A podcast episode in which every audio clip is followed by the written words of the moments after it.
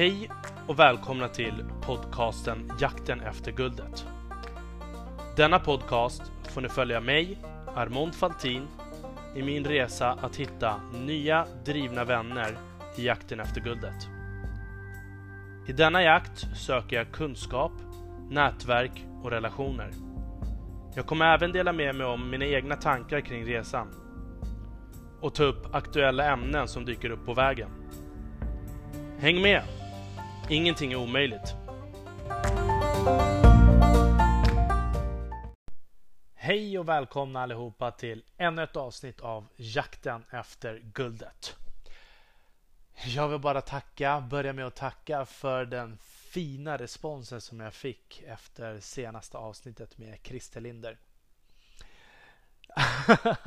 alltså jag vet inte vad jag ska säga. Uh, jag tror att avsnitt han, avsnittet hann att vara ute i ungefär en timme innan det bara började poppa upp meddelanden direkt om att de tyckte att det var spännande och intressant att höra mig och Christer prata och eh, att det var kul att höra liksom två generationer bara diskutera och vara liksom helt olika och försöka föra en konversation. Men också hur mycket de tyckte om och höra på hans resa och kommentera om att vi hade ganska lika resa där i ungdomen och så vidare. Så det tackar jag jättemycket för. Det har varit otroligt mycket nya lyssnare. Och eh, även en hel del som har gått tillbaka och börjat lyssna på första avsnittet, min story. Så det vill jag tacka för jättemycket. Och så har de lyssnat lite på Elin Ribier och, och sådär. Och ja, jag vet inte vad jag ska säga. Det, det, är så... Jag vet inte om det också är på grund av att semestern är över för väldigt många. Det är ju väldigt konstiga tider just nu. Alltså, vissa kommer tillbaka till jobbet och vissa har inget jobb alls. Eh, jag har fått väldigt mycket vänner som ja, också har... Det, det är tuffa tider just nu så att eh, så är det. För allt och alla. Men det är bara att rida ut stormen. Things will get better. Jag sitter och funderar på ganska mycket på så här vad för slags gäster är det ni tycker om att ha? Jag har, jag har ju frågat er varje avsnitt, nästan. Och eh, jag har fått en del svar. Jag får ju bra liksom feedback om vad det är ni tycker är bra. Men fortfarande så är ni lite fega. Vi ska skapa den här podden tillsammans. Och hur som haver, det här avsnittet hade jag tänkt ska vara bara ett litet gnabbavsnitt. Lite tankar och funderingar kring eh, kring resan. Vad är det jag har gjort nu på senare? Och vad är det för strategi som man vill följa? Det finns ju ett gammalt PR-trick eller ett gammalt mediauttal som heter Make enemies and gain friends. Och det här är någonting som väldigt mycket ja, men, mediamänniskor och företag och bland annat Trump nu med TikTok-kriget som, eh, ja. När han, när, när, Trump gör TikTok och Kina till sin fiende och jag tycker att han har använt den extremt smart kampanjstrategi. Att istället för att rikta sig in på att kriga med något land eller, eller något sånt där för att visa att han är en stark ledare och, och liksom vinna det mest extrema folket så att de röstar på honom så kan han skapa en fiende via ett företag som råkar ha kommit till i ett land. Du är hur smart som helst.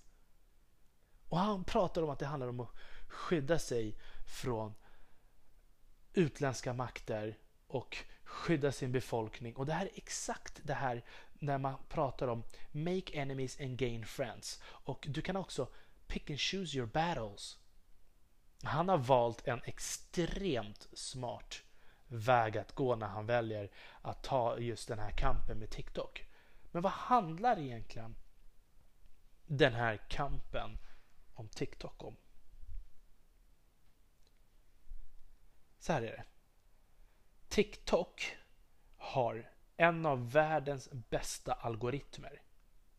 Och den algoritmen gör att du kan fånga upp en, en persons alla beteenden och alla liksom önskvärda beteenden. Vad vill den här personen ha? Vad är personen ute efter? Vad är det för saker den tycker om att lyssna på, titta på, äta för mat och så vidare. Och, och de här sakerna är TikToks algoritm snabbast i världen tydligen. Och det beror på en hel rad olika faktorer. Bland annat kanske för att den startades i Kina och har en hel annan mängd människor att kunna fånga upp data och börja bygga de här algoritmerna på. För du behöver ha data som algoritmerna använder för att sen kunna skapa och, och bli bättre och effektivisera sig. Och, och sen har man ju pratat väldigt mycket om att TikTok-appen eh, hör vad du säger när du bara har den i fickan, att den lyssnar och den hela tiden samlar data om allt beteende du gör. Uh, vad du googlar på, vad du lyssnar på för musik, vad du söker på för hemsidor, hur länge du är inne och vilka du pratar i telefon med och så vidare. Och det här, det här är liksom det är de här punkterna som man trycker på i USA. Och Någonting som är väldigt komiskt också i det här det är ju att vi har ju en hel del andra appar som samlar in exakt samma data. Som till exempel LinkedIn eller Messenger-appen från Facebook. Och nu, har, nu, nu är det säkert en hel rad andra appar som också gör det här. Men eh, nu, nu har inte jag dem rakt, rakt så här på, i huvudet. Men eh, jag tycker det är intressant hur man... Sen kan jag förstå så här. Eftersom man inte kan veta exakt vad det är för data man sänder ut och skickar till någon annan, till någon annans land, till en främmande makt som de liksom kan ta tag i och använda emot er. Så samtidigt så vill man ju liksom kunna veta vad är det exakt de samlar in och går det att stänga av det? Nu har ju Trump gav ju, det här var ett tag sedan, han sa ju 45 dagar innan Microsoft måste få lov att köpa TikTok. Och det komiska är att TikTok, TikToks ägare har ju själva varit i strid mot den kinesiska staten på grund av att de inte vill följa regelverken där och att de inte vill dela med sig av data. Och det hela tiden från början har varit en internationell app med ett internationellt tänk och att de liksom vill vara internationella. Det har aldrig varit fokuset, det var bara en start i Kina. Appen köptes upp, jag tror att de hette Musically från första början.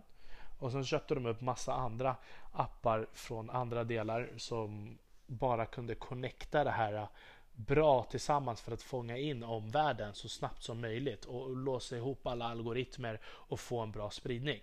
Så att när du fixar TikTok då kan du få en hel del videos här framför dig och visa framför dig utan att du följer. Och du kan få en följarskara som växer tusen gånger snabbare än Instagram. Just på grund av de här algoritmerna. För att de hittar de här människorna åt dig och de här videorna åt dig. Så det, det, här är en otroligt intressant. Men vad är det för andra grejer som har skett då nu när man har spärrat tillfälligt spärrat och sagt att TikTok ska inte amerikaner använda.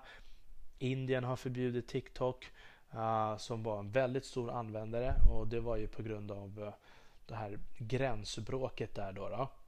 Och så var det Indonesien har också spärrat TikTok för att de säger att det har varit pornografiskt innehåll. Så att det är väldigt många andra länder som följer efter fast av sina egna anledningar. Men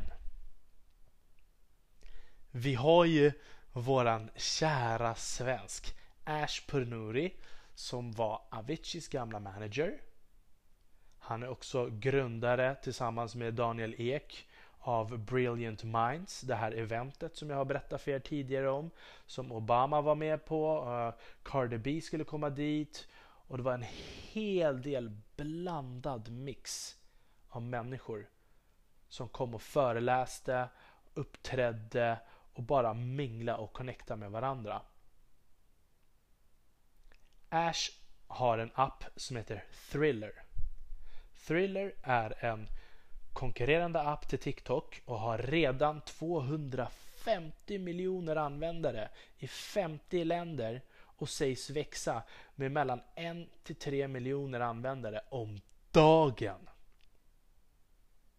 Tack vare, eller jag vet inte om det är tack vare, men till stor del nu efter TikTok-tappet så har de fått en hel del nya användare. Och jag kan inte låta bli att bara heja på Sverige för jag är svensk, jag är patriot. Ja, så att det här det är, det är en spännande utveckling och jag tycker om hur Trump har använt sin strategi att make enemies and gain friends. Nu kan han samla alla de som är liksom emot främmande makter, vill skydda Amerika, make America great again. Alla de kan han fånga bara genom ett stort internationellt krig med ett företag. Genialiskt! Och vi, vi ser ju massa andra. Vi har ju en hel del egna journalister som också arbetar på det här sättet. Eller alla, de flesta gör det. De, de hittar en fiende. Det behöver inte direkt vara en fiende, men det kan vara liksom uh, en händelse som man är emot. Det gäller att när du make an enemy, följ mediatrycket, gör en omvärldsbevakning och så kollar man vart strömmen går. Till exempel när Greta eh, skolstrejkade. Då var det en hel del journalister som följde på det draget och så gjorde man hur stor grej som helst. Hon blev bjuden tvärs över Atlanten, fick gå och föreläsa på World Economic Forum. Hon var det mest lyssnade avsnittet på Sommar P1. Hennes grej som hon gjorde var rätt i tiden och alla hakade på det där spåret. Och vad gör Breakit? Breakit är nyhetssajten som levererar technyheter. Jo, de skapar Breakit Impact Challenge för företag att kunna gå med i deras Impact Challenge som var delad i fyra eller fem olika delar där man testar sitt företag om man är hållbart på flera olika steg. Allt ifrån hur du använder kanske papper, hur du reser, vad det är för produktanvändning du gör och så vidare. Alltså det är helt otroligt. Och i den här svängen, då svänger alla företag och följer på den tråden. På att följa den tråden så kan du hamna i tidningen. Du skriver om allt gott du gör för att skapa en förändring. Vi såg samma sak när vi pratade om plastkassar. Plastkassar är ett stort problem i många delar av världen men inte här på samma sätt i Norden. Då vi har ett helt annat sophanteringssystem. Och exempelvis våra plastkassar. En plastkasse eller en tygkasse måste användas 20 000 gånger för att vara lika hållbar som en av våra plastkassar. Mm. Sen kom vi in på sugrören också. Det gäller att välja vad det är man är hållbar med. Sugrören. Då, då är det massa sugrör ute i Atlanten som har fastnat i sköldpaddor och i andra djur och, och, självklart ska man skära ner. Man behöver inte ha massa onödiga plastkassar. Och jag tror att har man varit i vissa länder så märker man att vi till exempel i Thailand var du än köper på 7-Eleven så får du alltid en kasse för varje produkt du köper i princip. Och det är totalt onödigt. Det sa jag alltid nej till. Med min vanliga svenska liksom. Det är väl onödigt. Vad ska jag bära på fem kassar när jag kan ha en kassa? Och sådana tendenser hakade vi på här i Sverige och ändrade. Satte en skatt. och nu är det, jag, jag var hemma hos en vän här, här om månaden. Och då hade hela deras förening förändrat till papperskassar i sophanteringen. Men vad fan, det är ju träd som skövlas för de där papperskassarna. Mm. Det gäller att tänka på många olika saker. Och det är samma sak nu när det har varit väldigt mycket att man ska bygga um, hus och skyskrapor i trä och, och liksom det ska vara hållbart. Och, men hur länge håller det där trät? Och vi, eftersom trät inte kan absorbera och behålla kyla på samma sätt som till exempel betong gör att vi istället kanske behöver ha AC på sommaren. Och AC släpper ut 3% utav alla avgaser eller vad man ska säga ut i ozonlagret i jämförelse med flyg som ligger på 2,5. Mm. Men det, det är populismen. Det är företag vet exakt vad man ska göra. Du ska make an enemy and gain friends. Där är fienden och boven de som inte följer alla de här miljögrejerna och det, det, krävs inte så mycket. Det är inte så många som tänker efter. Det är inte så många som är självkritiska och liksom, men vad, vad, vad, om jag gör en konsekvensanalys, om jag på riktigt tittar på det här, vad är det som är bäst? It doesn't matter. It's business. Make enemies and gain friends. Och det är helt otroligt att se hur många företag som bara kör på det här och bara thrive. Ja, jag, jag tycker det är så otroligt spännande och jag, bara för att man följer liksom samtida och sina visioner och sina värderingar betyder inte att man är en dålig, dåligt företag eller en dålig person. Men jag tycker bara det är väldigt kul att höra.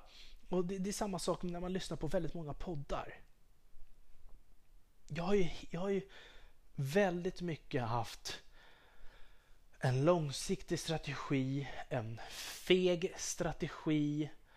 Feg i den meningen är att jag har inte velat make enemies and gain friends. Och det är egentligen det många säger att du absolut måste göra. Och eh, om man ska höra på några klassiker som Make Enemies and Gain Friends, då kan man ju bara lyssna på Alex och Sigge. De bara babblar, har roligt, har trevligt. Och så har man ju sett skriverier att till exempel Samir Badran har blivit har, har känts illa till mods när Alex har sagt någonting och samma sak med Alexander Pärleros. Och det är ju bara för att det ska bli skriverier. Då pratar Alexander Pärleros om Alex Schulman i podden. Automatiskt, BAM! Du får en spridning. Han pratar om Samir Badran som har över 500-600 000 följare på Instagram. Hur folkkär som helst. BAM! Det kommer i tidningarna flera dagar i rad. flera veckor i rad. Plus på hans medier och, och, och liksom med andra poddar och så vidare. Alltså den spridningseffekten är helt sjuk. När du make an enemy and gain friends. Men när jag tittar på till exempel Alexander Pärleros. Han är helt tvärtom. Han har absolut inte velat göra fiender av människor. Och han har också fått en hel del kritik. Han har fått kritik för att han inte är en bra intervjuare. Att han inte är tillräckligt grävande, att han har fel tekniker och, och så vidare. Men vad i helskotta? Han vill inte bli fiende. Han är ingen journalist. Kanske därför han har växt och blivit Nordens största businesspodd. Med 2-3 miljoner lyssnare i månaden. Mm. Äh, jag tror i alla fall på konceptet att ha vänner. Så att jag kommer inte att make an enemy to gain friends. För man vet aldrig när den där skiten kommer och hugger dig i ryggen igen. Då är det bättre att ha massa vänner. Det har alltid varit min starka sida. Jag har haft mycket vänner. Det har varit my power. You can't bully me, cause I, då kommer du att skicka ut dig själv. Så är det bara, helt och hållet. Men eh, jag tycker det är väldigt intressant. Och sen så har man ju också andra kampanjer i hur man kan göra PR för att liksom sticka ut. Till exempel när det handlar om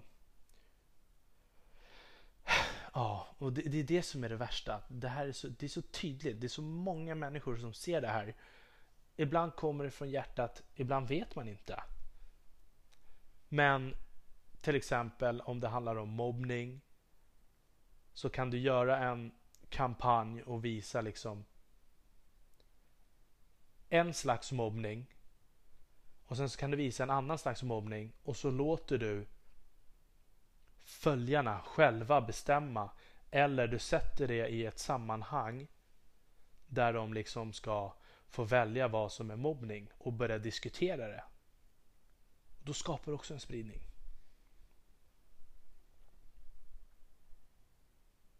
Det finns så otroligt mycket intressanta PR-trick som folk kan göra. Men jag vägrar att sälja min kropp till djävulen. Och jag sitter och tänker så här. Det är bara att rida ut stormen och så kommer det att komma förr eller senare i alla fall. Nu under tiden som jag har kört på mitt fegtrick. Jag eh, fegar genom att inte vilja ha så himla mycket uppmärksamhet. Jag fegar med att jag vill bli duktig live. Jag vill bli duktig live, kunna hantera podden live, kunna hantera intervjuer live. Jag, jag känner att jag har redan lärt mig lite grann vad det är hur man ska intervjua. Förut så hade jag raddat upp liksom skitmycket frågor om en persons hela karriär. Jag hade kollat nyhetsklipp och liksom läst artiklar. Vad är det som har stått om den här personen? Och så låste jag mig på det och så när jag skulle börja intervjua någon då började jag ställa alla frågor i, i de ordningarna som jag har läst. Det kunde vara 20 år gamla artiklar. Och det blir bara helt fel. Dels att jag kanske inte får, hinner få med det, det faktiskt relevanta, det intressanta. Att man inte tror på gästens förmåga att kunna berätta de här sakerna själv. I sin egen ordning. För det finns ju en hel del som heller inte står ute där på nätet. En hel del som information som inte har kommit ut och det är den information man vill få. Och jag känner att det är den informationen Pärlros är väldigt duktig på att få ut genom att han inte låser sig på fakta utan han ställer frågor. Frågor baserade på gästens känslor. Så att om en gäst säger så här, ja men vid det här tillfället, ja men när jag gjorde det där, då, då mådde inte jag så bra. Då säger man, aha, varför mådde du inte så bra? Kan du beskriva känslan? Vad var det du kände? Att hela tiden försöka attackera, inte attackera men ställa frågor där vad det liksom är känslor. Det är jag väldigt feg på. jag, jag, jag har märkt att jag faktiskt måste våga ställa krav på dem jag intervjuar också. Och de kraven ska vara väldigt tydliga som gäller exempelvis du måste vara redo att berätta om jag ställer en fråga. Om du inte är redo, då får du säga nej, jag vill inte prata om det här. Men då måste det också kunna få vara med till viss del. Sen finns det självklart saker som man kan klippa bort om det blir fel, om man trampar på en öm tå. Men det är också väldigt viktigt att inte bjuda in någon som inte är redo om du inte vill vara the bad guy. Råka sända dåligt material för att någon kanske inte har bearbetat vissa saker och inte är redo att berätta om liksom de sakerna som man faktiskt vill veta om den här personen. Mm. Äh, jag, jag tycker det är sjukt kul. Det här är den absolut mest utvecklande, roligaste resan jag någonsin har gjort. Och till de flesta som jag pratar med, jag säger det, skaffa en podd. Att ha en podd är inte bara en maktfaktor. Och nu, nu sitter inte jag och pratar som en maktgalen rackare, men folk vill vara med och, och berätta sin story. Du blir ett forum, en brygga, en bro till människor att dela sin story. Och du är en produkt av dina gäster. Så att jag är en produkt av mina gäster. Jag är ingenting utan mina gäster. Jag avskyr nästan när jag har de här ensamma samtalen. Men jag har fått väldigt mycket positiv feedback och eh, att eh, ni vill höra liksom lite sammanställningar ibland och höra vad det senaste nytt är. Och helt ärligt, den här sommaren har inte varit så himla mycket senaste nytt. Mm. Men, uh, just ja. Någonting som var lite så här, lite som jag kom att tänka på. Det var ju i juli månad. Så bara droppade statistiken hur mycket som helst. Och jag kände så här, men vad i helskotta, vad händer med alla lyssnare? Har jag gjort någonting fel? Alltså, men jag tror att eftersom det var liksom första året när man kommer in och det är egentligen det andra året som jag har riktig statistik att liksom mäta och jämföra med samtidigt som man växer. Och det roliga var att alla de som man har missat förra, jag vet inte om man har missat dem förra månaden, men det är väldigt många som har kommit tillbaka. Så att hela den här veckan och lite förra veckan så bara kom lyssnarantalet tillbaka och jag hoppas att det är mina gamla kära lyssnare och det var jag är så glad. Men eh, nu vill jag ha hjälp av er. Och det här säger jag helt seriöst. Och jag, jag tackar också. Jag har ju fått människor som har skrivit till mig uh, om erbjudanden och det är jag väldigt glad för. Jag älskar när det kommer liksom öppenhjärtiga erbjudanden och man hör att jag liksom ropar och skriker och, och att man får gehör. Det finns inget härligare än att få gehör. Även om man inte gör någonting så kommer jag alltid att försöka hjälpa till och eh, jag, jag, vi gör det vad vi kan för varandra. Så att hitta gäster till mig nu eller hitta ämnen. Jag kommer att fixa lite ämnen till er också nu när Uh, folk börjar komma tillbaka till arbetet och sommaren är över så kommer alla bokade gäster börja komma tillbaka igen. Så att uh, det kommer bli superintressant och jag har en så grym brud som jag ska intervjua snart. Uff. Jag pratade med henne för någon vecka sedan och det, det är en tjej som jag har följt på sociala medier ett bra tag. Och hon är så himla cool alltså. Såna här växer fan inte på träd. Men eh, hon, hon var jättesmickrad att jag ville ha med henne i podden. Och jag hoppas verkligen att våra scheman kan klaffa ihop så att jag får ha in henne som gäst för då kommer ni få en riktig rackare alltså. Och sen det här är också en väldigt så här, Jag har ju fått liksom Folk undrar varför postar du inte dina gäster som du har innan avsnittet kommer så att man vet vilken gäst som kommer så man får längta och liksom lyssna på den gästen. Och ska jag vara helt ärlig så har det varit extremt svårt. Nästan alla gäster är liksom sista minuten. Det är en standby. Jag ligger bara en vecka före ungefär. Och innan jag hade gjort flera gäster på en vecka så blev det, det blev liksom det blev inte bra. Med tanke på att jag inte har ett team så måste jag samla in all fakta själv. Och sen så måste jag kunna hantera podden själv och vara en bra värd också. Och när jag hade gjort tre eller fyra gäster tidigare som var på en och samma vecka, då märkte jag att jag inte kunde leverera. Jag var helt slut i huvudet. För tänk er, det är precis som när du är om du har ett prov eller en uppsats som du ska skriva. Ett viktigt möte. Du är helt utmattad direkt efter den intervjun. Sen går man runt som ett kolli. Visst kan du heja och prata med människor ute på gatan men att föra en intervju och sen direkt efter varandra ha faktan, inte liksom blanda ihop allting. Det är otroligt svårt. Mm.